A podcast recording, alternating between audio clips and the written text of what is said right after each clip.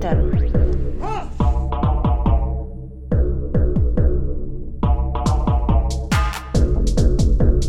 Berätta inte för mig om det svenska klassamhället. Jag har sett det.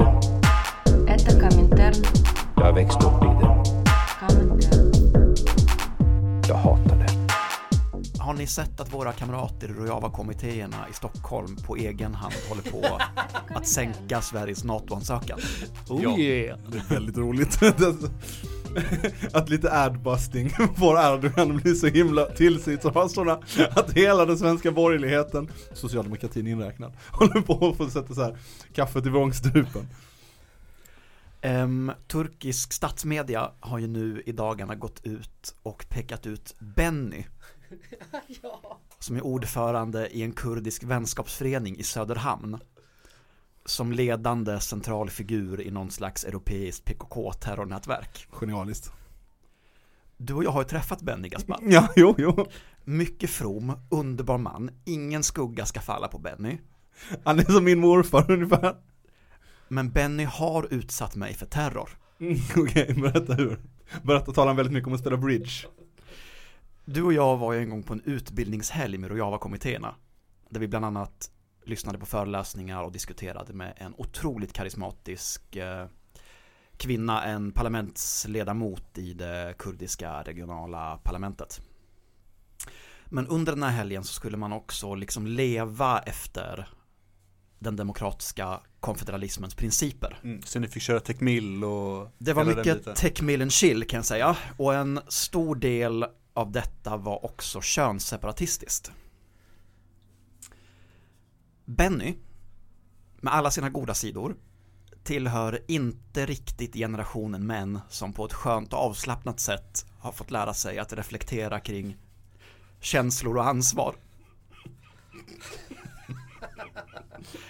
Och mitt emot Benny i vår mansseparatistiska känsloventilerargrupp så satt det ett danskt queer den mest gränslöse man jag någonsin har träffat som hela tiden för att liksom kontrollera och dominera samtalet försökte forcera in det på samtalsämnen som jag själv känner att det krävs ett väldigt stort förtroende och kanske i några fall livslång vänskap för att överhuvudtaget öppna mig för någon av. Men Benny, han var, han var han sen på den bollen? Är det här, är det här terrorn kommer in? Att sitta mellan den här dansken och Benny Det var att vara krigsfånge mellan två oerhört jobbiga killtyper Två världar som aldrig ska mötas. Ja Jag tycker att det motiverar att döma dem båda för terrorbrott ja. Absolut. Men absolut inte lämna ut någon av dem till, Tur- till Turkiet. Nej nej nej, vi får ha någon slags eh, komintern eh, rättegång Komintern.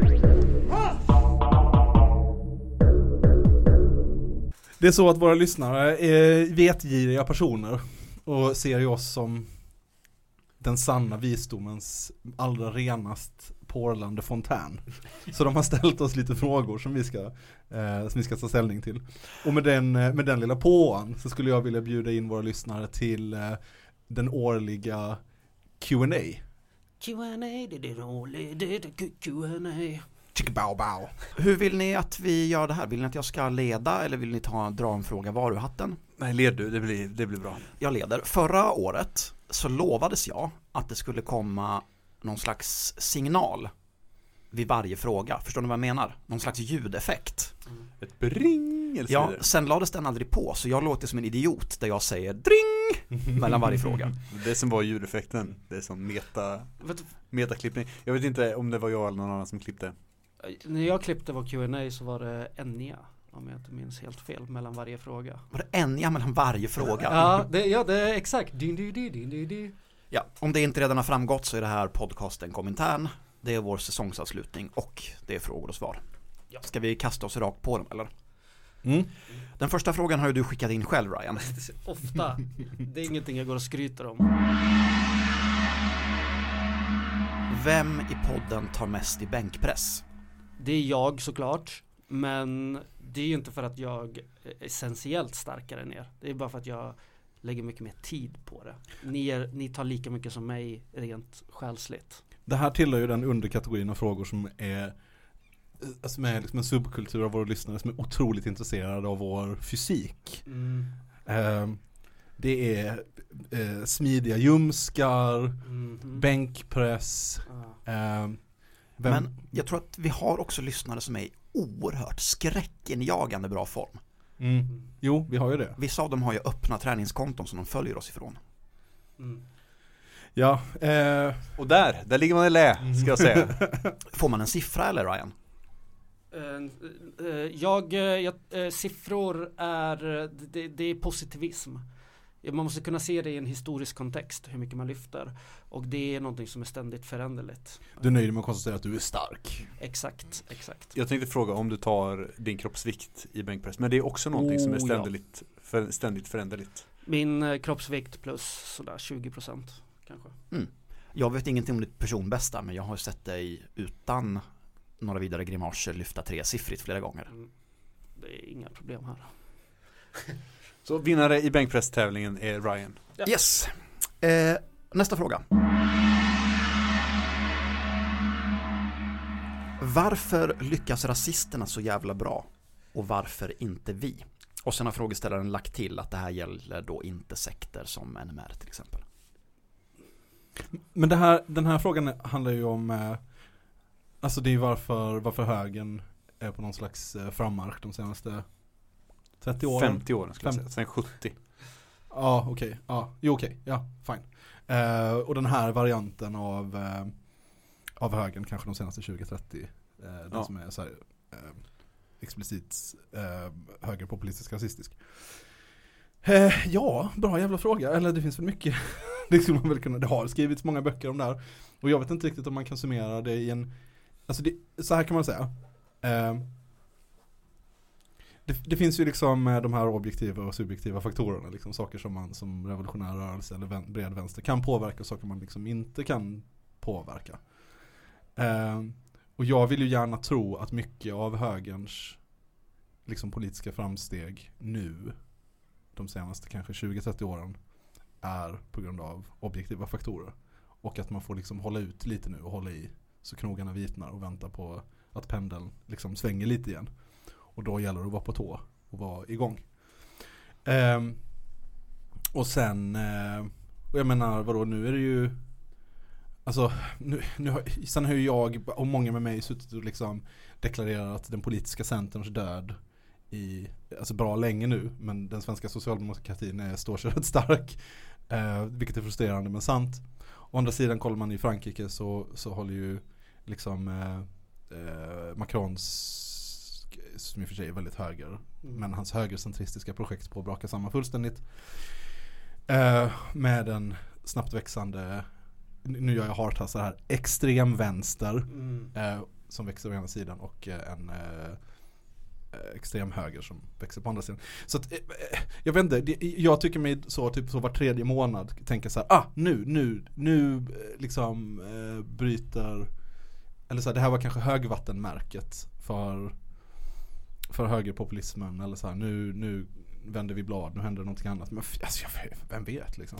Men jag tänker också att det handlar mycket om eh, eh att eh, frågor väcks som egentligen inte borde vara Alltså så här, mycket av det som gör att, att högern känns som att de vinner mark liksom är ju att att samtal, så här, kultur, eh, kulturkriget liksom har ändå rört sig i någon sorts om inte, alltså i någon sorts identitetspolitiskt progressiv riktning liksom. Alltså jag vet inte, har ni sett typ filmer från, när kollar ni på film från typ eh, Alltså mainstream film från typ, ja men 90 Tidigt 90 liksom Ja, eller 2005. Ja men precis, det har hänt väldigt mycket Alltså så här, på vissa sätt liksom Ja. Ekonomiskt så backar vi, ekonomiskt så ligger högern på som, som swin liksom Men, eh, men mycket av det som är eh, liksom som känns som att det är liksom rasisternas eh, frammarsch liksom Att det är mycket saker som eh, som sägs nu som bara inte var kontroversiellt för 30 eller 40 år sedan liksom. Men jag tänker också att vi lever i ett land som är liksom fullständigt sönderslaget av nyliberalism och avregleringar och rasande takt ökande klassklyftor. Det är typ det lättaste som finns Mm. att vara rasse nu. Mm. Herregud vad lätt det är. Nyliberal, eh, nyliberal eh, politik men också att vi rör oss verkligen med allt kortare intervaller från, mellan ekonomiska kriser.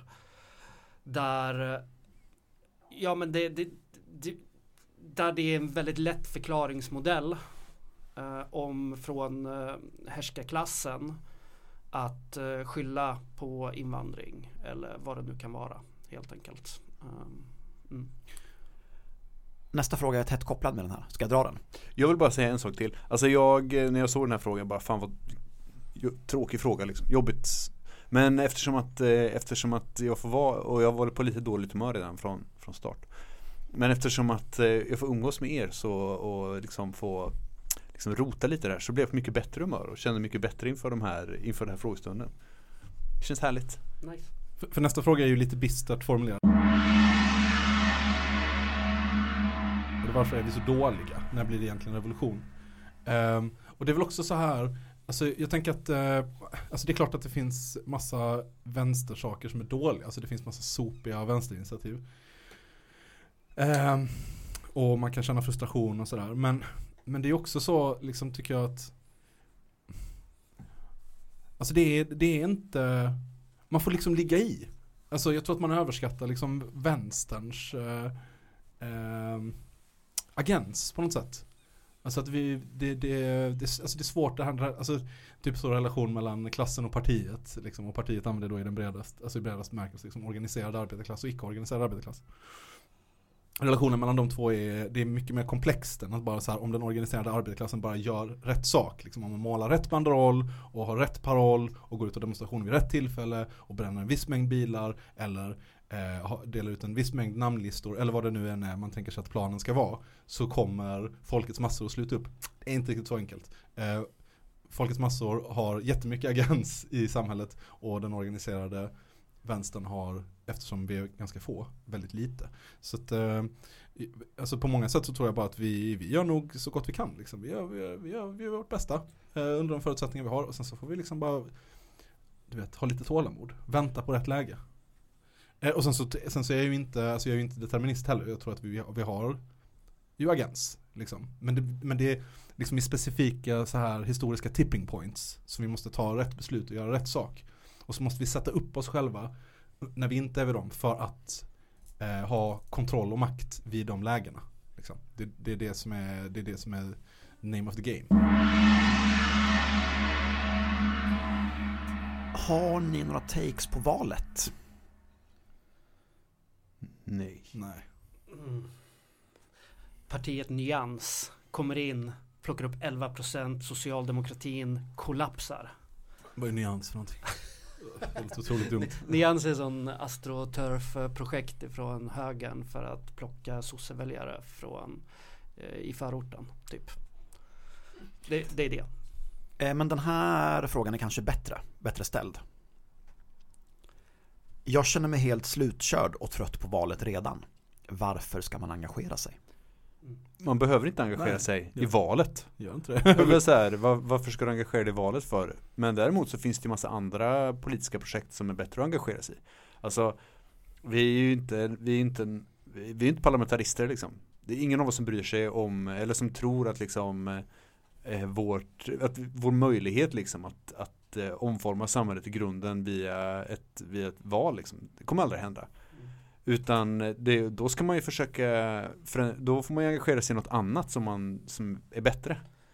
Och skit i valet och så här, hitta ett projekt som du tycker om. Eller som du tycker är roligt. Eller folk, med folk som du tycker om att umgås med och som du vill organisera med. Mm. Så slipper du sitta i möten med olika vänsterpartister eller eh, RS-are eller sossar eller vad som helst liksom. Gör något kul istället. Det var väldigt goda råd. Sen tror jag att det är svårt som politiskt aktiv i Sverige att inte överhuvudtaget behöva förhålla sig till valet. Det är klart man måste göra. Alltså så här, vad var förra valet så var hela eh, så blev hela valprocessen en, en, eh, särskild händelse i polisens eh, rutin liksom. Så att det är klart att valet påverkar oss och våra möjligheter att göra saker. Det är inget konstigt. Eh, och att så här, helt plötsligt så är det någonting som dyker upp på dagordningen i mycket större, mycket större utsträckning och man tvingas liksom på något sätt förhålla sig till alla de här idioterna som ska stå och säga efterblivna saker på scen liksom. Men vi behöver inte anpassa vår organisation utifrån det liksom. Nej, och jag tror att man blir olycklig av det. Läs inga opinionsmätningar, titta Mm. inte på några debatter på tv och absolut inte i Almedalen. Gör något roligare istället. Har inte Almedalen varit? Eller är det nu eller? Det vore kul att livesända därifrån någon gång och bara mobba. Räkna, man kan köra lekar, räkna glasögon, orm Vi eh, hade inte fått gå av båten än ska jag säga. Eh, det här knyter an till frågan hur bör man som kommunist rösta eller inte rösta i årets val? Ja, alltså eh, skit i att rösta. Eller kanske om du känner för att rösta på Vänsterpartiet. Eller Moderaterna för den delen, vem fan bryr sig? Eh, det spelar ingen större roll. Eh, bara var organiserad i, i din vardag alla andra dagar istället. Rösta inte på Moderaterna, det tyckte jag var ett dåligt förslag. Jag vill bara poängtera hur lite roll det spelar. Om man inte är sån eh, accelerationist och vill eh, påskynda samhällets kollaps. Det spelar, det spelar ingen roll heller. Du kan vara hur mycket accelerationist du vill, du kan rösta på NSDAP. Det spelar ingen roll. Det är, det är alltså eh, både statistiskt matematiskt och eh, liksom på alla plan en meningslös handling. Men tycker inte du att man ska slå personer som röstar på NSDAP? Eh, bara om de försöker göra, få andra att rösta på NSDAP och Inte om de har lagt en ironisk röst. Nej precis, alla som de på något sätt verkar för, eh, för NSDAP, då måste man ju stoppa dem. Men om Okej, man bara går och röstar på pff, Men vad, vad spelar det för roll? Om det inte spelar någon roll eh, vilka som röstar på vad så spelar det väl ingen roll ifall de försöker få folk att rösta på NSDAP heller. Men det är väl en del, alltså, alltså gatuterror, det är därför, alltså så här, ehm, eh, Centerpartiet skadar ju fler människor Mm. än, vad, än vad NMR gör, alltså och värre och allvarligare. Ehm, men eh, deras eh, politiska dag-till-dag organisering och verksamhet eh, Det är inte så olika män i gummistövlar och grep som bara slår transpersoner på stan. Nej men precis, det ser lite annorlunda ut. Förstår du vad jag menar? Jag, jag fattar, men jag tänker så här att, att få folk att, att, att, att, röstande, rö- att se röstande som aktivism på något sätt är fel. Där, det ska vi lämna oss helt utanför. Men faktum kvarstår att det fortfarande finns eh, eh, att, att, att eh, eh, som samhälle så kan man verka preventivt mot de absolut värsta formerna. Och det handlar inte om vad just du röstar på utan det handlar bara om att fucking gå och lägg, lägg din jävla röst på Vänsterpartiet. Vad som helst liksom. För det är fortfarande, hur man än ser det så eh, bryts rösterna ner till antal människor. Det finns ett slags beroendeförhållande mellan vart man röstar och partierna i riksdagen. Jag säger inte att som aktivism är det här bra, utan gå bara och rösta på, på liksom det minst dåliga. Nu, nu knäcker jag upp diskussionskonstången. Ah, nice. Jag bara, jag bara skojar, jag tänker inte diskutera det. Jag Ja. skiter i det. Det är inte en fråga jag tänker ödsla tid eller tanke på. Jag tycker som- bara inte att någon ska ha dåligt samvete för att de sover till klockan ett på valdagen. Absolut och så, Oj, inte. jag missade Nej, fuck det. it. Det är helt okej. Exakt. Det som du gör, du som lyssnar på det här just nu, det skiter, det skiter vi i, det skiter samhället i och det skiter universum i. På, val, på valdagen. Ja, på och sen valdagen. så uppmanar vi dig såklart att vara organiserad i din vardag. Ja, exakt. Precis. Och det är ett mycket större arbete än att gå och rösta. Bli, nej, bli logisk king, gå på logik och faktologik universitetet och sen ställer du dig vid alla valstugor eh, som Sverigedemokraterna och Moderaterna och Centerpartiet har och äger dem med fakta och logik så mycket att de packar ihop och drar Kolla, hem. kolla, kolla. Se upp dig från ditt jobb. Gå, äh, gå filosofi A-kursen på ditt närmaste universitet. Och sen gå ner till valstugan och debattera första bästa liberala politiker. Tills de ger upp. Tills de blir utbrända. Gör det till din personliga uppgift att bränna ut hela, hela, eh, eh, hela la- landstinget och eh, Göteborgs kommuns högeropposition. Läs, läs på jättemycket om historia för att kunna visa att du har rätt Ja. i alla diskussioner. Men viktigare än det, läs mycket retorik för du kommer vara tvungen att använda dig utav ad hominem, Ja. no, no true scotsman, halmgubbe Bli retorikexpert. Ja, ja exakt. Vä- Vänsterns, eh, vad heter hon, Elaine, Elaine Eksvärd. Eksvärd. Och, och sen, sen när, Börja du, uttala dig om moraliskt felaktig kultur. när, du, när du är expert på både uttala dig moraliskt felaktig kultur och är logikmästare, då då ska du sätta dig i din bil med din mobiltelefon och börja skrika in i den. Och, och sen då, då är sky's the limit. Då har vi i princip uppnått kommunismen redan. Om alla våra lyssnare följer den här vägen, då Ja. finns det liksom ingen, det finns inget sätt att misslyckas. Ja, ska vi ta nästa fråga? Nu Yes. har vi läst det här. Eh, vilka är de bästa kravallklippen? Och de bästa kravallklippen är ju alltid de senaste kravallklippen. Mm. Precis, Jo men det är nog sant. exakt. Ska vi ta nästa? Eh, för om man får välja historiskt så gillar jag alla med den här grekiska hunden. Det är väldigt Jan mysigt. Carnelos. Ja, precis. Ja, good boy. Ja, ehm, men generellt sett, eh, Grekland brukar ha bra kravallklipp. Om om folk är intresserade. Just för eh, att det är så ehm, Ja men det är Varhoven-kravaller. Men det är, det är alltid mörkt och det brinner alltid så att det blir ja, snyggt liksom. Och det är alltid en, minst en polis som brinner. Jajamän. Och det finns någon slags obehaglig erotisk subtext i alla, alla sekvenser. Som, som i, där, inte ens är speciellt sub, utan bara text, Ja. rakt av. Eh, här är någon som har skickat in en fråga som antingen vet precis vad den gör eller inte har någon jävla aning om vad den startar. Hur definierar ni fascism? Har ni kanske olika uppfattningar? Ja. Jag har glömt varför inte vi kom överens. Nej jag minns inte heller, jag hade så himla starka åsikter om det Ja, här jag hade också typ, jätte, jättestark vad är det, ett eller två år sedan? Som vi skulle spela in ett avsnitt om fascism. Det den, enda den stora fascistspecialen. som, som kapsejsade för att jag och Ryan blev sura på varandra. Det är synd, vi har ju fått önskemål om att vi inte håller med varandra, att det ska vara liksom och, och ja men precis. Och det var verkligen ett sånt avsnitt. Men det, ja, Men det sändes aldrig. det sändes aldrig. Nej men det är för att ni inte kan vara osams på ett strukturerat och kontrollerat sätt. Exakt. Du satt och vrålade, jävla idealist, långt ifrån micken. Eh, Men jag, men jag hade den här diskussionen med en, eh, med en annan kamrat för inte så länge sedan. Huruvida Ryssland är fascistiskt nu eller inte.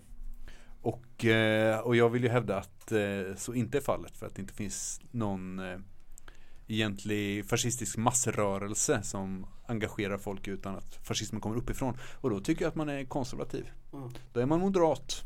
Mm. Med lite extra uniform bara. Alltså på något sätt så är det, det här speglar en diskussion Okej, häng med mig nu, det blir lite Det kan kännas lite farfetched i början men, men låt mig vagga in i det här Det här speglar lite en, en diskussion som vi hade i vår Patreon-podd där vi talade om, om pedofili Alltså där man eh, där det liksom är i patriarkatets intresse Att säga att pedofili är någonting, det är liksom ett sjukdoms eh, syndrom som ligger långt utanför samhällets mittfåra och som bara eh, äckel, äckelgubbar i trenchcoat håller på med, inte vanliga män liksom inom hartassar. Eh, på samma sätt så tänker jag lite om fascism, att om man, om man liksom höjer upp det till någon slags Sauron Mordor ondska som finns utanför det politiska, helt utanför det normala politiska samtalet eh, och ger det någon slags bisarr särställning. Eh, då, då går man miste om alla de impulser eh, som hela tiden driver fram fascistoida och hö högeridéer som hela tiden liksom pumpas ut i samhället, det finns i samhället. Eh, på det sättet så blir det liksom lite ointressant för mig att dra någon slags exakt gräns för här är den fascistiska linjen. När man går över den då blir man något annat, då blir man något extremt ondskefullt, då blir man någonting fruktansvärt vansinnigt barbariskt som aldrig någonsin får ske. Men allting som kommer på andra sidan den linjen det är okej. För då blir det lite som att man säger att okej men så länge man eh, är ett patriarkalt, för att komma tillbaka till liknelsen då, liksom, så länge man är ett patriarkalt svin och eh, behandlar eh, kvinnor som, som ting eh, men bara så länge de är över 18 så är det okej men sen så, så fort man är pedofil då ska man hängas i första bästa träd och så vidare. Det, det liksom speglar lite den eh, uppdelningen. Ehm, och, och då vet jag inte, alltså innan, jag, har ju, jag tror säkert att jag ska kunna liksom haspla ur med en fruktansvärt detaljerad och, och specifik definition av fascismen. Jag vet bara inte hur intresserad jag är av att göra det. Liksom. Jag tänker som att det är det finns liksom fascistoida idéer som, som strömmar genom samhället och som kommer ur kapitalismen som är användbar för kapitalismen. Och sen så vid olika specifika tillfällen så är kapitalismen, har den ett större eller mindre intresse av att samla ihop de idéerna till ett knippe. Mm. Eh, till en fars, fa, faskes. Ett faskes. spöknippe. Ja, precis, till spöknippe. Mm. Eh, och ibland så är den mindre intresserad av det. Eller har mindre förmåga att göra det eftersom vi hela tiden den hela tiden motarbetas av arbetarklassen för att göra detta. Men jag är ju, alltså så här, jag håller med dig bitvis men också inte. Alltså jag tycker ju på något sätt att fascismen är någonting specifikt liksom. Mm. Samma sätt som, alltså, och, det- och det är lite som att säga, jag tycker inte att Alltså det är som att jämföra typ liberaler och konservativa. Alltså ingen av dem, alltså de är, de är våra fiender. På samma, på samma sätt som fascister är det liksom. Att så här, vi är inte, alltså folkpartister som vill att man ska få skjuta varandra med pistol och, och ha duell och ligga med barn och lik och sånt liksom. Det är en annan grej än, än konservativa som vill att allt, att man ska, det ska vara kyrka, kung och armé liksom. Att det, är två olika saker. Men vi behöver, alltså men bägge är våra fiender. Och då, jag tycker att det finns en, en poäng med att vara så här. Det här, alltså att fascismen är något specifikt. Men fascismen, precis som du säger, är inte det enda som är ondskefullt liksom. Utan, eh, utan det kan precis lika gärna vara, vara eh, konservativa krafter som, eh, som driv i någon sorts fascistiska kläder liksom, eller fascistiskt bildspråk. En fascistisk teater fast att det egentligen inte är fascism utan det är någonting som är precis lika dåligt fast inte samma sak. Ja, alltså jag, jag vet inte om det liksom är Jag vet inte om det går att jämföra fascism med högerkonservatism och liberalism på just det sättet. För det, skillnaden är att inom, i, i ett, i, som jag ser det är att i, i ett kapitalistiskt samhälle så är liksom eh, liberalismen eh, är ju, eh, och konservatism är ju liksom huvudideologier som har en kontinuitet som överlever sina egna inre kriser och, eh, och alltid kommer finnas i ett kapitalistiskt samhälle. Fascismen är någonting som händer. Fascismen är eh, kortvarig, den förintar sig själv. Det är liksom det sista, det sista liksom våldsamma impulsen är att den upplöser sig själv. Och det, och det är genom eh, eh, eh den, eh, eh, eh, eh, vad heter det? De konsekvenser som, som de våldshandlingarna som fascisterna begår eh, Eh, till slut får skörda helt enkelt. I Hitlers fall var det ju eh, invasionen överallt i eh, Europa. Eh, man kan inte prata liksom om ett alternativt universum där Nazityskland inte börjar anfalla sina gamla, eh, grannar. Lika lite som man kan prata om eh, ett eh, Mussolini i Italien eh, där de inte anfaller sina grannar liksom. Det, det, det, det de kom, fascismen kommer förinta sig själv. Eh, men den har ingen kontinuitet. Den har, eh, det är en konvulsion, en historisk konvulsion. Eh, Mm, precis, men, men, men inte frågan så här. För det här, det här är en spännande, leder till en spännande fråga. Den historiska konvulsionen, ja. ledde den till ett så specifikt eh, utfall, alltså fascism, att det nästa gång det sker en konvulsion eh, finns det en poäng i att spåra ut vad är samma i den här konvulsionen som i den tidigare konvulsionen och kan vi då kalla den samma sak? Eller kan vi bara säga att det finns de här fascistoida tendenserna som uppstår vid varje konvulsion? Precis. Och, och finns det en poäng i att behålla samma språkbruk eller samma eh, liksom, eh, stämpel på det? Är det här epilepsi eller bara tramadol? Kan man fråga sig. Så svaret på frågan är ja, lite skilda åsikter. Ja, det finns, det finns nyansskillnader.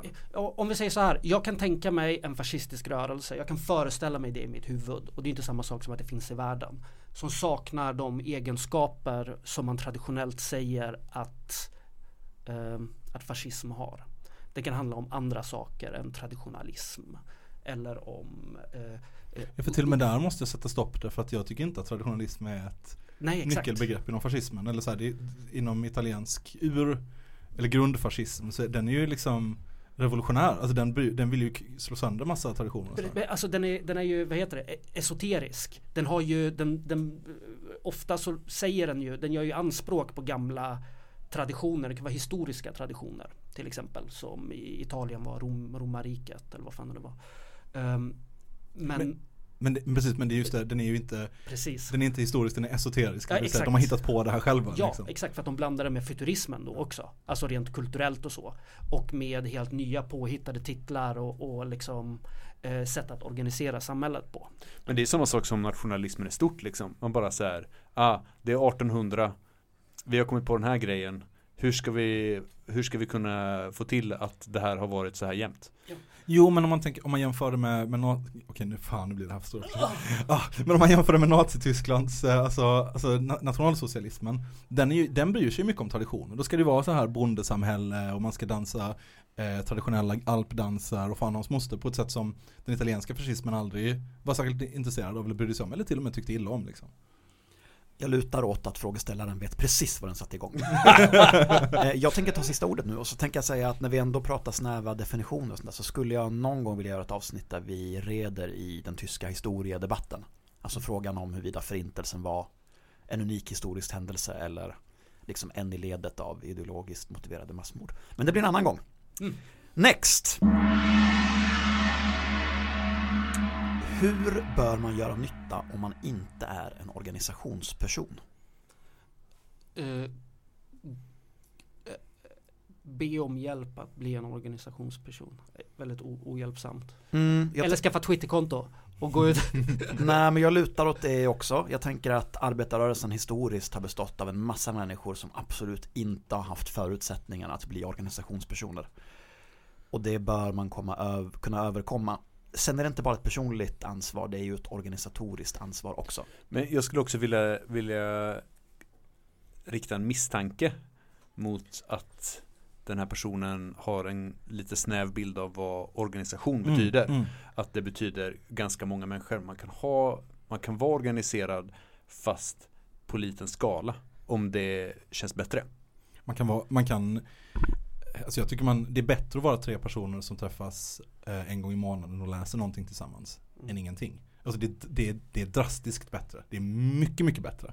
Eh, och jag menar så här, jag vet inte om man bor i, i Växjö eller någonting, då kanske man inte har ett, liksom en, en LS ett LS och gå ner och hänga på liksom, ta en kopp kaffe. Och då, då får man väl kanske liksom dra ihop två, tre polare som man var kompis med gymnasiet eller från jobbet eller sådär och träffas. Och det, där kan man få supermycket, det kan man höra sig till oss om man vill ha hjälp med att hitta bra texter och läsa tillsammans eller sådär. Det, kommer, det finns ju, där är ju nätet svinbra liksom, att det finns ju jättemycket kunskap och, och resurser och få hjälp där. Eh, men det behöver verkligen inte vara så träffas en gång i veckan med sin eh, liksom massorganisation och sen så gå ut och sätta ut affischer och eh, eh, du vet syssla med techmill eller vad det nu kan tänkas vara som man är intresserad av. Det kan också bara vara träffas, ta en fika, läsa någonting tillsammans, prata om det. Ja, och, och hjälpa eh, och eh, eh, ett sätt om man är extremt om man har väldigt svårt för sociala situationer. Man kan hjälpa till med, med saker som man är duktig på. Alltså gillar man eh, grafisk design, eh, gillar man att göra hemsidor eller vad det nu är så finns det alltid organisationer ute i Sverige som är i stort behov av sånt här också. Så, så liksom, eh, man ska inte tycka för lite om sig själv. Man ska veta att man, man liksom kan bidra på otroligt många sätt. Ja, de allra flesta kan sätta upp en affisch eller hjälpa en granne med någonting eller jag vet inte vad som kan växa ur det sen. Eh, men om man absolut inte kan, om man då inte är en organisationsperson, vad kan man göra då? Starta en podd. Ja, det kan man väl kan man förstås göra, men jag tänker att man ju också faktiskt kan understödja andra organisationspersoner ekonomiskt eller det viktigaste är bara att man inte blir en jävla tyckare eller gnällspik på internet. Om du inte har försökt göra något själv, då är man förbjuden att klanka ner på existerande projekt. Man får gnälla tre gånger, sen måste man göra någonting. Det är min tumregel. Just det, man får inte gnälla tre gånger per sak man gör. Nej, nej, nej, nej absolut inte. Ja, jag vill bara säga, vems Säpo-handläggare tror ni det är som har ställt frågan vilka lynchas först under revolutionen och eh, ve- vem startar RF2 och vart är min invite? jag tror det är Gaspars. Eh, Ja det verkar möjligt, det verkar sannolikt. Eh, Tech-entreprenörer. Va, Den frågan, har- jaha, den har inte... Jaha, Lynchas te- jaha, först. jaha, okej, vem... ja, tecken, ja, jo, ja. Eller, eller sådana farbröder som sitter och skriker i sin telefon i bilen. Kanske, de kan vi göra oss av med ganska snabbt. Och den andra frågan är väl eh, du, skulle jag säga. Om inte Mm. du, vem? Om inte när, nu. Om inte nu, när menar du? Eh, ja, te- eh, tech-miljardärer. men sen eh, eh, Sen tycker jag lynchning är fel. Jag tror mer på att släppa ut människor i det vilda för att upptäcka sig själva. Men, men det, det är väl effektivare att ha riktiga rättegångar. Alltså eftersom det finns människor som har begått fruktansvärda horribla brott. Absolut. Eh, och då kommer det ju kännas bättre för alla inblandade om Ja, ja. Någon, gång vill, någon gång vill jag prata om svensk adel och när Axel von Fersen blev lynchad i Stockholm. Så jävla fett. Och det här eh, och jämföra med brittisk adel och att det liksom är otänkbart där. Mm. Men det blir en senare, det blir en senare. Det blir det. Eh, har ni någon favoritöl? Jag avskyr öl. Alltså jag har, jag har varit nykterist sedan jag var 16. Jag eh, hann aldrig lära, det här är en, en, en teori som jag håller för en sanning att det är ingen som tycker om öl från början. Man lär sig dricka öl för att man vill bli full. Just det, precis som med oliver eller kapris eller sådär så är det någonting som när man blir äldre så utvecklas smakpaletten på tungan och man uppskattar det mer. Ja, ja, ja. Men jag hann aldrig lära mig dricka öl. Jag tycker att öl är vidrigt. Och varje gång som någon säger det här är en jättegod alkoholfri öl så vill jag gå och kräka sin papperskorg. Och- Och, och jag tänker att öl är ju liksom ett, eh, eh, att gilla öl är snarare ett socialt projekt än ett eh, eh, gourmetprojekt. Det handlar om att kunna ehm, Begå maskulinitet. Ja, begå maskulinitet men också att utesluta andra. IPA till exempel är ju, dricker ju människor för att de för att det är vidrigt, för att det är äckligt och för att man då kan exkludera de flesta andra som vill dricka vanlig fatöl. Eh, jag håller inte med, jag tycker att det är gott. Suröl däremot. Jag, jag, så här, det här är min, min favoritöl är den som är kall en varm sommardag när jag har gått långt. Mm. Det spelar ingen roll om det är en IPA, en fatöl, en pilsner eller en vad det nu kan vara. Efter mer än ett decennium på samma krog så ropar ju personalen till mig nu när jag kliver in genom dörren. Ah, Mr Tuborg, välkommen! eh, vilket min tjej säger är, och jag citerar, pinsamt. Citat igen, jag vill aldrig mer gå hit, slutcitat. Mr Tuborg. För mig obegripligt, men Tuborg tycker jag är jättegott.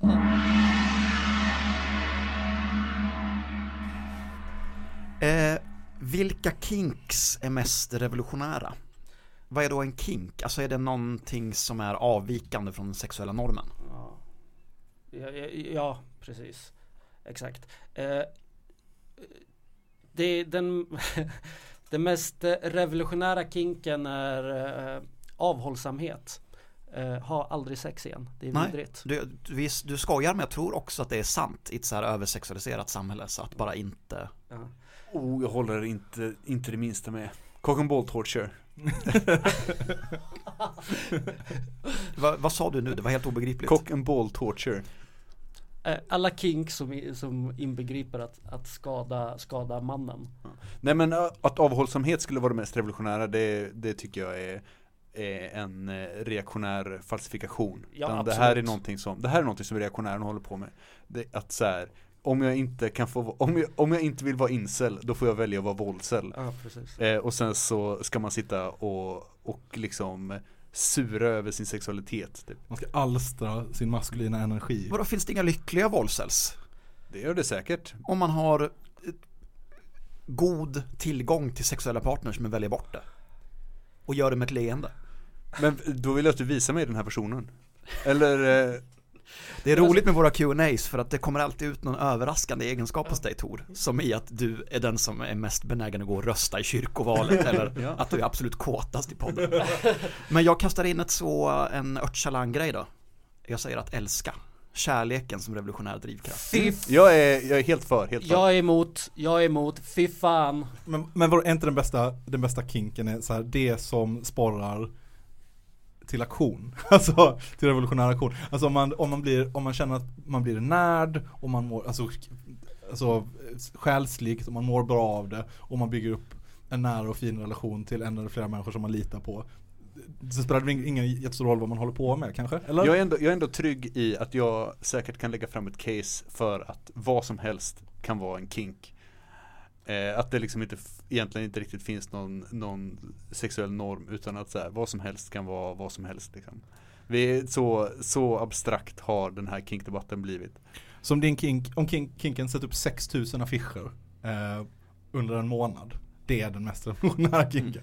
Jag har ganska hög acceptans mot kinks så länge det stannar inom hemmets fyra väggar. Mm.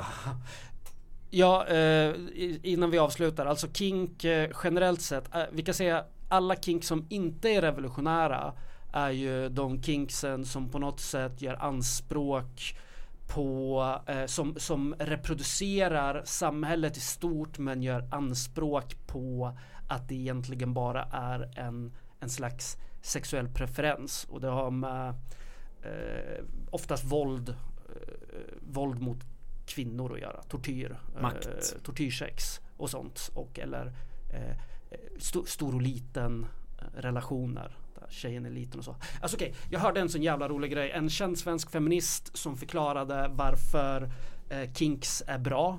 Eh, som sa att, eh, eh, vet ni vad shibari är? Eh, alltså som, Ingen aning. eh, som Berätta. rep-kink, att man hänger upp varandra och, och sånt och binder varandra liksom väldigt hårt. Och en av förklaringarna till varför det här är liksom eh, eh, att kinks inte bara handlar om, om sexualitet är att det aktiverar det parasympatiska eh, nervsystemet när man är i väldigt begränsad rörelseförmåga. Och när vi är i det parasympatiska nervsystemet så betyder det att vi eh, eh, kan uppleva en lättnad när vi utsätts för stress och sånt. Och jag tycker att som vänstern ska vi vara jävligt försiktiga med att försöka eh, skapa olika, att försöka ge eh, olika fysiska funktioner i våra kroppar eh, ett eh, socialt innehåll eh, på det sättet och säga liksom att ah, ja men eh, Kinks är bra för eh, på grund av alla de här olika fysiska egenskaperna och så. Eh, nej, det, det, det finns det finns ingen nödvändig relation mellan vårt fysiska välmående och att reproducera olika roller ute i samhället. Helt enkelt. Ah, ja, det var det. Den här är tuff. Vem är den absolut sämsta människan som har varit medlem i NMR? Zacharias Hortén. Var den verkligen så tuff? Alltså han, det, det finns ju ondare och läbbigare, större, mer skurkaktiga personer. Alltså mördare, Precis. terrorister, eh, eh, bara så effektiva nazister av olika slag. Men sämst, Ja. det måste ju vara Zacharias. Precis. Och, då är alltså han sämst utifrån hur, hur jävla dålig han är från vårt perspektiv. Men också från sin egen rörelses perspektiv. Ja men jag menar om man, om man, om man låt oss leka med tanken att vi är eh, liksom så här, vad heter det, eh, plat, platoniker. Ja. Eh, och vi tänker oss att det finns en så här, eh, det finns en perfekt platonsk människa som liksom existerar någonstans i idévärlden. Och ju närmare man är den perfekta bilden av en människa, desto bättre människa är man. Då är ju Zacharias Hortén längst ifrån Ja. den idealbilden. Ja. Kanske av alla människor i nationen Sverige, möjligen kontinenten Europa, kanske till och med globalt. Om vi har tillgång till det ljudklippet, spelar vi det då när Zacharias skickar ett ljudklipp till den påhittade personen Frida på Tinder? Vi får se, kanske, kanske inte. Eh, nästa fråga är dum. Spårvagn eller Uber till revolutionen? Spårvagn, cykel. Promenad i rask takt. Ja. Gå, I- i- gå, använd benen. Precis, promenad i rask takt i stor grupp. Ja, precis. I enhetlig klädsel. Ja, ja exa, exakt. Enhetlig klädsel. För att parafrasera Brand inför eh, EU-toppnumret från 2001. Här kommer en fråga som ställdes också förra året. Kanske en person som är intresserad av hur vi har utvecklats rent fysiskt på ett kalenderår. Vem av er har smidigast ljumskar? Väl Tor? Jag tror inte att det är i mig längre faktiskt. Okej. Jag är, jag är ledsen men min eh, smidighet har eh, gått ner eh, kraftigt till förmån för andra saker. Så jag skulle nog säga Andreas eller Ryan tror jag. Det är Som- absolut inte jag utan det är Ryan. Mm. Men på vem som böjer djupast.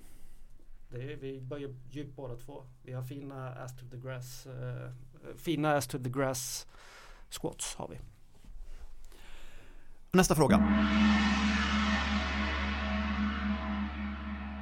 Var kan man hänga online med kamrater?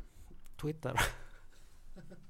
Men det är en svår fråga, eller hur? De naturliga samlingsplatserna finns inte längre. Mm. Det finns ingen portal i storlek av motkraft till exempel. Det finns inget socialism.nu. Vad heter det här man pratar med varandra som vissa använder? Twitch.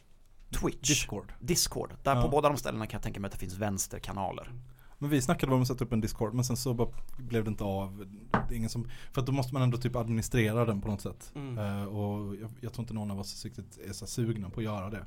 Vi hade ändå ambitionen av att vår Patreon skulle växa till någon typ av intern kommunikationskanal mellan oss och våra lyssnare. Men det blev inte så. Nej, men det har väl att göra med att ingen var Eller alltså jag tror att jag min, Alltså jag tror jag drev det hårdast eh, För att jag tror att det är en bra idé Ehm, Men, eh, men, men jag Alltså jag kan inte sitta och administrera jag, alltså jag har inte, jag har varken viljan eller förmågan att vara administrator på en sån grej Och det krävs en administrator liksom Jag vet inte, samtidigt tänker jag på vad jag använder på internet, vilka sociala medier-plattformar jag använder och vad jag gör på alla dem är ju att jag umgås med kamrater. Mm. Så jag vet inte om frågan är felställd, förstår ni vad jag menar? Precis. hur, Kanske snarare hur hittar man kamrater att umgås med Mm. på, på nätet? Det är kanske en intressant fråga att ställa Mm.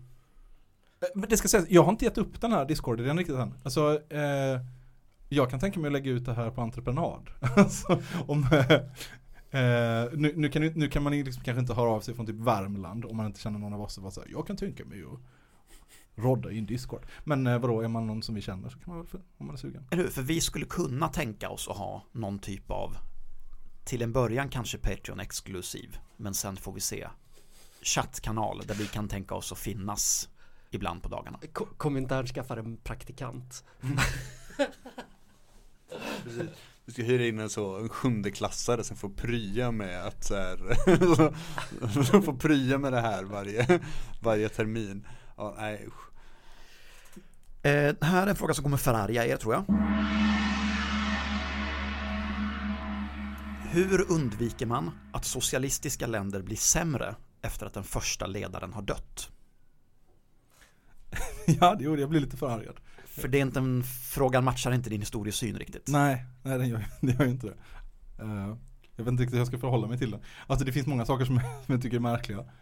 Sämre, alltså det, jag tycker inte det har varit jättebra någonstans. Efter att första ledaren har dött, eller? Ja, Men frågeställaren menar typ så, varför blev Sovjet dåligt efter att Lenin dog? Varför har Kuba blivit dåligt efter att Castro dog? Mm. Ni fattar även om ni inte håller med om den. Ja, Jag är, jag är ju bara att man bara inte skaffar en ny ledare. Där har jag mitt blev Kambodja sämre snärtiga efter svar. att Pol Pot dog? jag vet inte. Vi tror väl inte nödvändigtvis på socialism i ett land va? Nej, och vi tror väl heller inte riktigt på att det skulle, alltså att en person eh, har så himla mycket, har den sortens kontroll. Liksom. Nej. Alltså det är mycket, det är större och djupare poli- eller så här, historiska processer som påverkar. Och jag tänker också exakt att, att det här är liksom en, en del av den mänskliga upplevelsen är ju eh, att vi uppfattar saker, att man kanske eh, skapar någon slags form av anknytning till en person. Och är beredd att kanske se, inte se problem på samma sätt med den personen utan att de först framträder för en rent psykologiskt då när den personen är borta. Alltså det är väl också så att ju närmare revolutionspunkten man är desto närmare är man att det är en sann liksom demokratisk Ja. kommunistisk rörelse eller anarkokommunistisk rörelse. Liksom. Och, och, och alltså att, en, att, att den första ledaren dör, att det blir sämre då, det har väl inte så mycket med att den första ledaren dör att göra, utan det har väl att göra med att eh, andra makter vad heter det, solidifierar sin, Mm. sin position och trycker ner arbetarklassen igen. Ja, och jag tänker också, eh, får man kolla på till exempel eh, exemplet Venezuela så eh, är det ju väldigt tufft där. Men när Chavez dog så hade det, var sanktionerna bara sex år gamla. Nu är sanktionerna mot landet nästan 16 år långa. Eh, det kanske inte har med ve- vem det är som man ser på nyheterna ifall det är Maduro eller, eller Chavez. Utan kanske också att tid är någonting som rör på sig framåt och saker som vi gör påverkar världen. Liksom. S- sanktioner. Men jag tror att om vi hade kunnat övertyga eh, de här Chavez-flickorna om att fortsätta skrika Chavez, Chavez, Chavez istället för Maduro, Maduro, då hade det blivit bättre.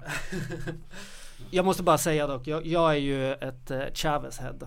Jag saknar Det finns, jag har en sån ehm, Jag kan drabbas av en stor sorg När jag tänker på att Chavez är borta Och det är liksom, jag förstår, det här är inte, det här är inte aktivism, det här är liksom inte Det, det är sentimentalitet Men jag, jag eh, saknar fan Chavez, uppriktigt Det är en kink så det är okej. Ja, tack. Det är en bra kink Eh, ett varsitt boktips.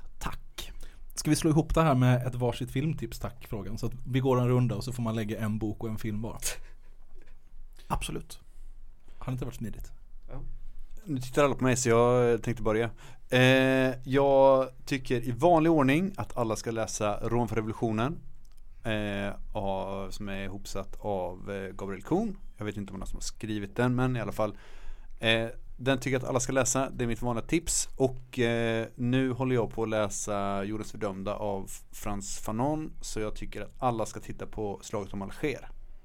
Från någon gång när den var kom. Eh, så kan man också så eh, eh, äga alltså killar i eh, Guy Fawkes masker. För att den är mycket liksom mer true än V för Vendetta. Ska jag? Ehm, jag ser så lite på film nu för tiden. Eh, jag såg om Den bästa sommaren med Kjell Bergqvist på SVT Play häromdagen. Åh, den kan jag inte se utan att gråta. Nej, det var Fan, samma för mig. Vad jag bölade. Men jag vet inte heller om det är ett objektivt betyg, förstår ni? För att den såg jag tusen gånger under min barndom. Men det är väl ett filmtips och så kan man skriva till oss om den är bra på riktigt eller inte.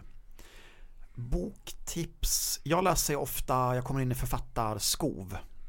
Nu har jag läst tre böcker av eh, Edvard Louis. Eh, fransmannen som fick mycket uppmärksamhet för Vem mördade min far för några år sedan.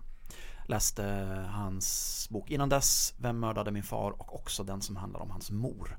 Mycket smärtsamma skildringar av att växa upp i ett rått klassamhälle, att vara sexuell minoritet. Så det är väl mina boktips då. Mm. Eh, ja, på samma sätt som du går in i författarskov så går jag in i regissörsskov. Jag har precis stapplat ur mitt Verhoeven maraton som har varit två dagar långt. Eh, och av hans övre skulle jag säga att Robocop från 87 är den starkaste, den starkaste given.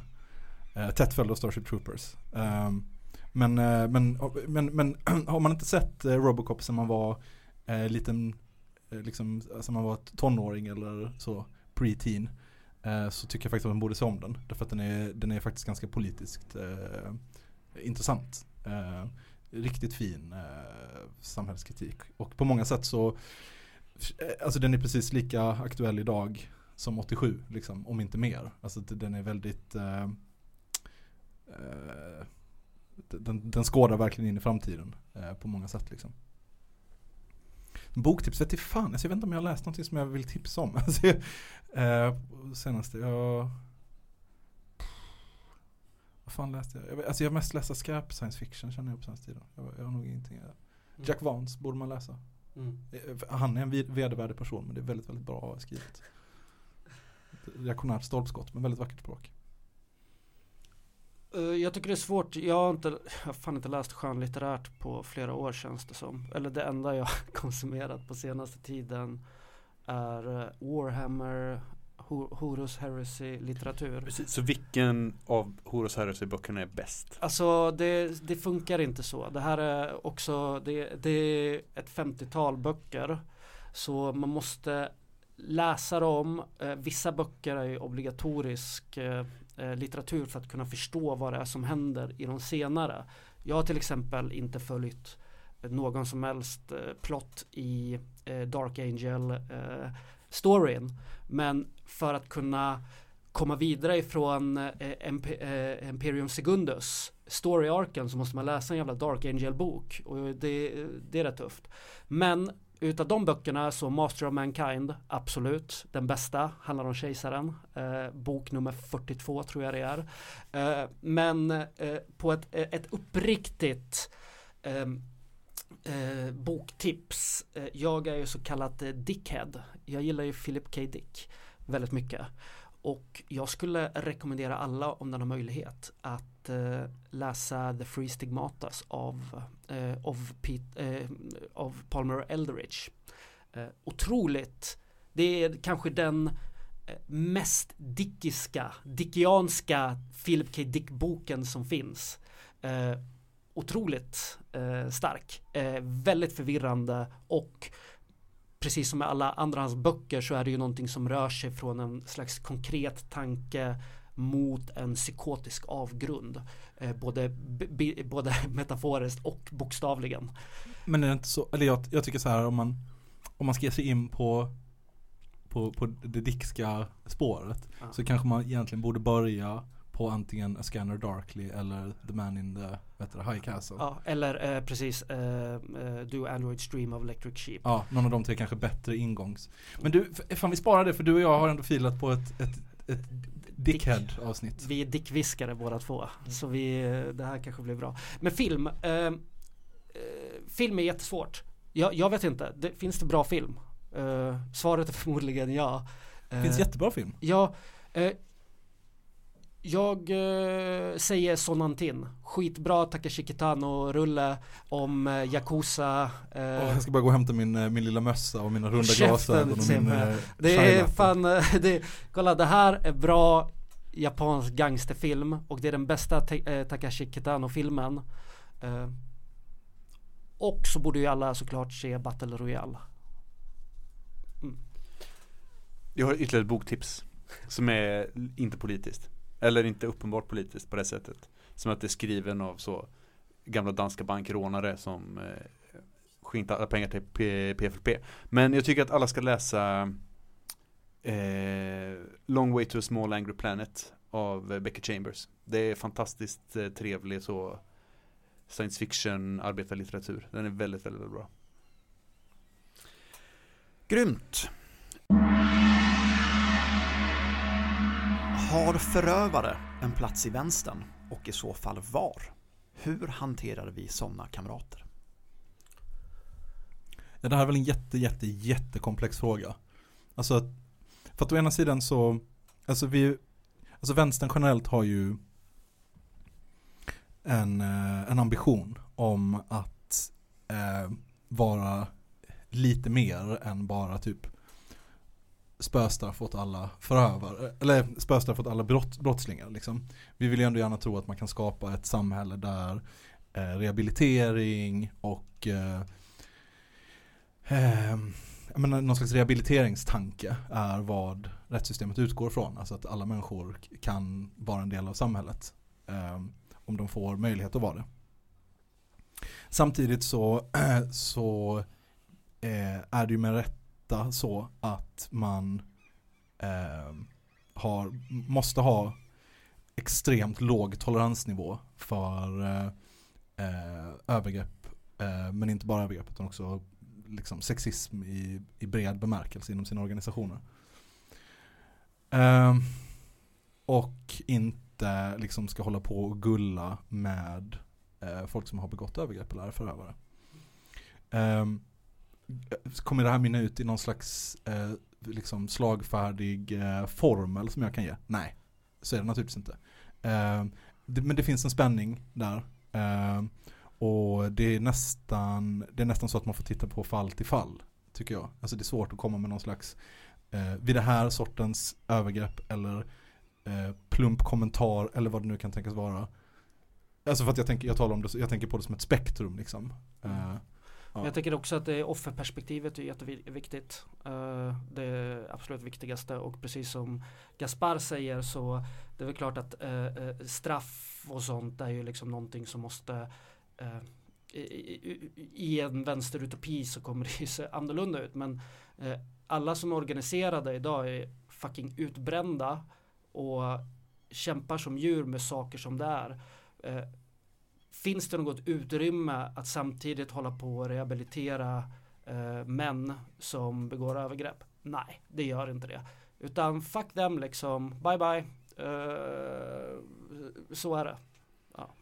Samtidigt som vi som män måste förstå att det är ett mansproblem och att Ja, det kanske är någonting som exakt. också ska, att den stora tyngden i hanterandet bör tas av andra män. Mm. Vi har ju suttit och spelat in ett Patreon-avsnitt som till stora delar handlade om pedofili, vad det är och vad man ska göra åt det.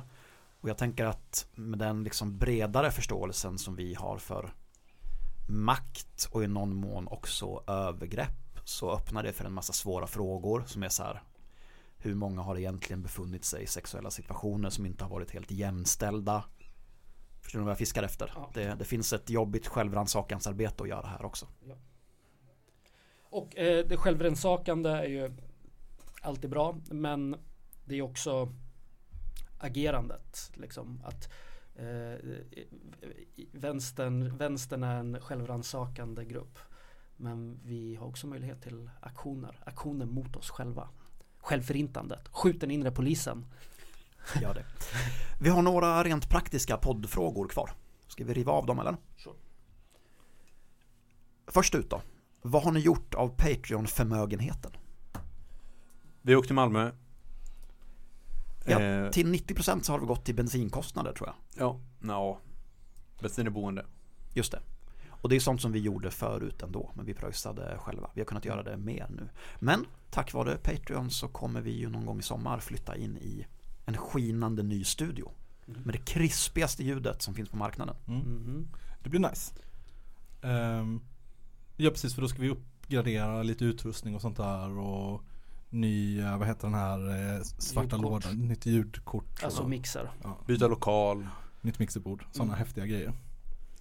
Eh, och det har vi ju bara er att tacka för. Man ska kunna höra inte bara eh, vad vi säger utan det är jätteviktigt att kunna höra Gaspars eh, smackande och tics i extremt bra upplösning. Ja, oroa dig inte, det ska finnas kvar. jag, jag är då, alltså det, det spelar ingen roll hur mycket pengar, hur många tusenlappar vi lägger på de här jävla mickarna och utrustningen. Det är ju det faktum att jag inte kan jag kan inte lära mig rimlig mickteknik liksom. Det, Nej, men också, det det, sätter som, en naturlig gräns. det som är eh, tv liksom, att eh, tv-apparaterna, det som vi ser film på, har mycket mer utvecklad teknologi än hur man gör när man gör filmerna. Så alla filmer ser typ ut som eh, Nya Tider eller Skilda Världar. För att det är så bra upplösning på dem och all illusion försvinner. Um, ja. Just tekniken håller på att springa om vår förmåga. ja, precis. Att Ja. skapa eh, eh, en Visst. trovärdig miljö. Precis, vi säger inte så pass kvalitativa saker så att det är värt att ha ett så bra ljud. Det låter snett.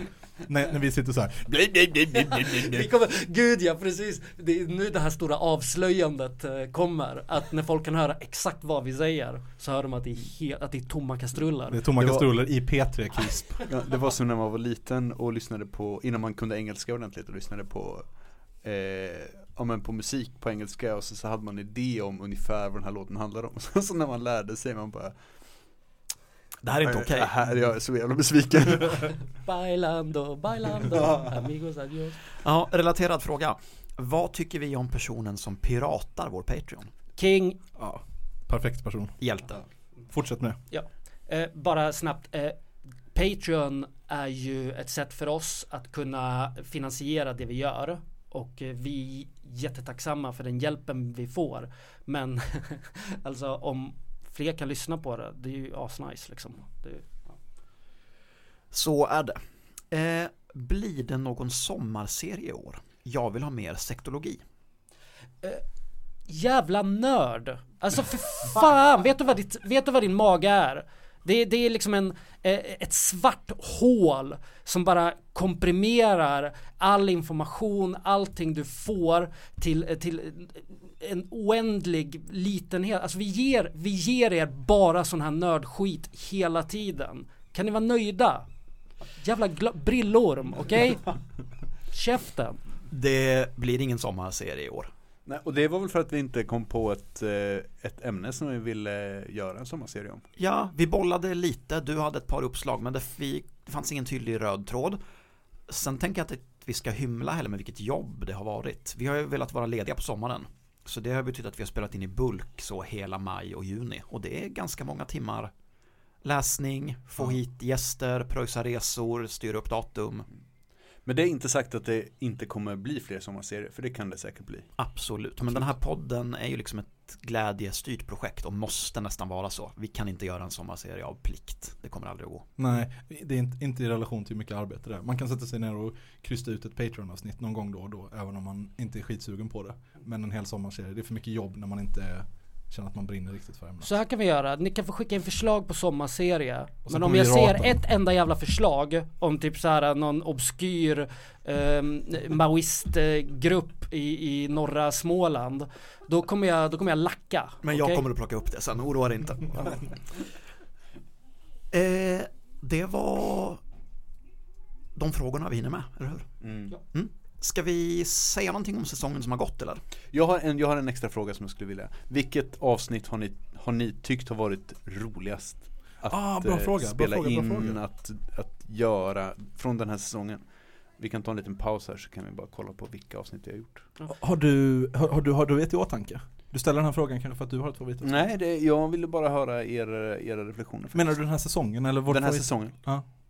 Eh, Alla avsnitt där jag får sitta med mina tre favoritpersoner är mina Fegt svar. favoritavsnitt Fuck Ja, you Jag är, jag är för. Detsamma. Gäster gör mig nervös och får mig att känna mig dum Så att jag är emot gäster och spela in med dem Så alla de avsnitten är dåliga Vi började med eh, Stellan. Mm. Vi fick tillbaka två avsnitt som polisen hade beslagtagit. Sen så har vi intervjuat författare, pratat med kamrater. Jag sticker ut hakan här och säger vår bästa säsong hittills. Jag, jag håller nog med om det.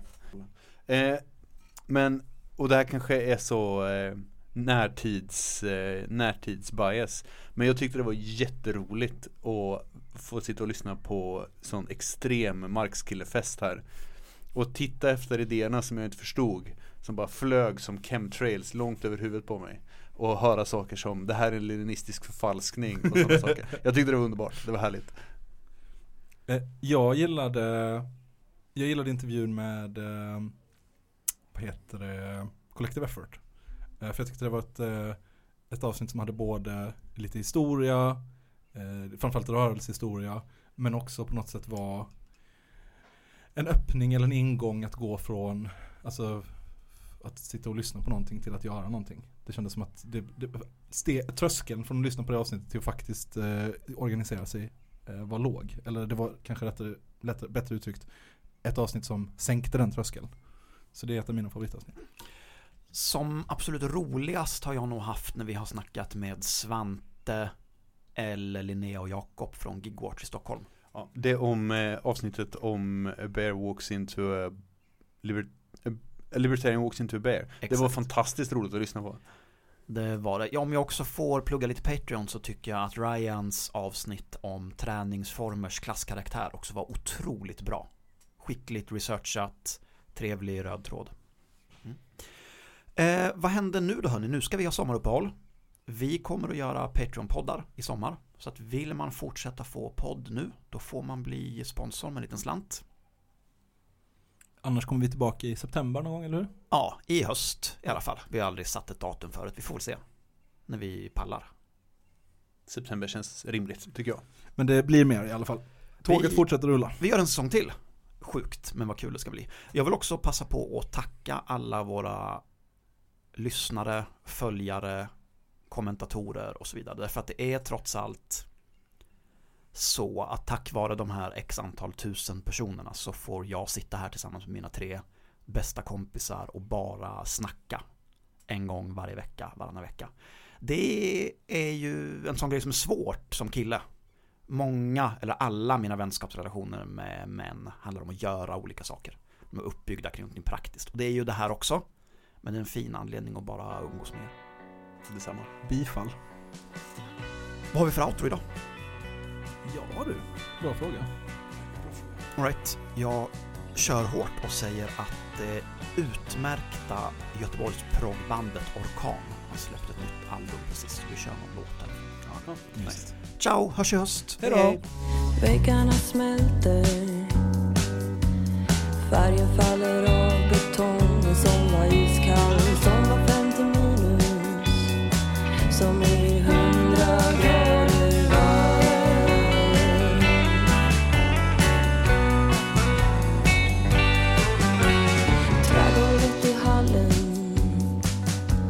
har börjat suga åt sig av färgen.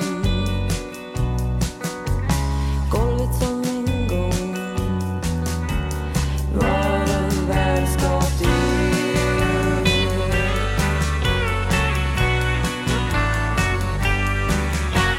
Skogen som höll oss igång Skogen som höll oss igång Som någon tog livet av Kanske var det vi på väg hem från storstadsliv. Kanske var det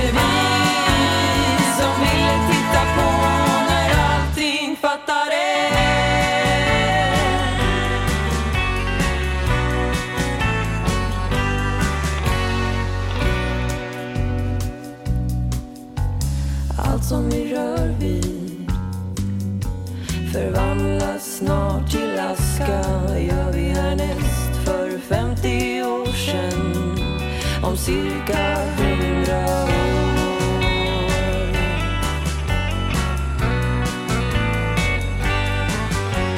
Blåljusen blinkar Människor springer omkull ett enda hysteri Något har brunnit Vem ska släcka elden?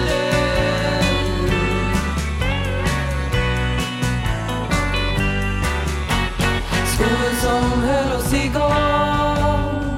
Skogen som höll oss igång. Som nu har brunnit ner. Kanske var det vi på väg hem från storstadsliv.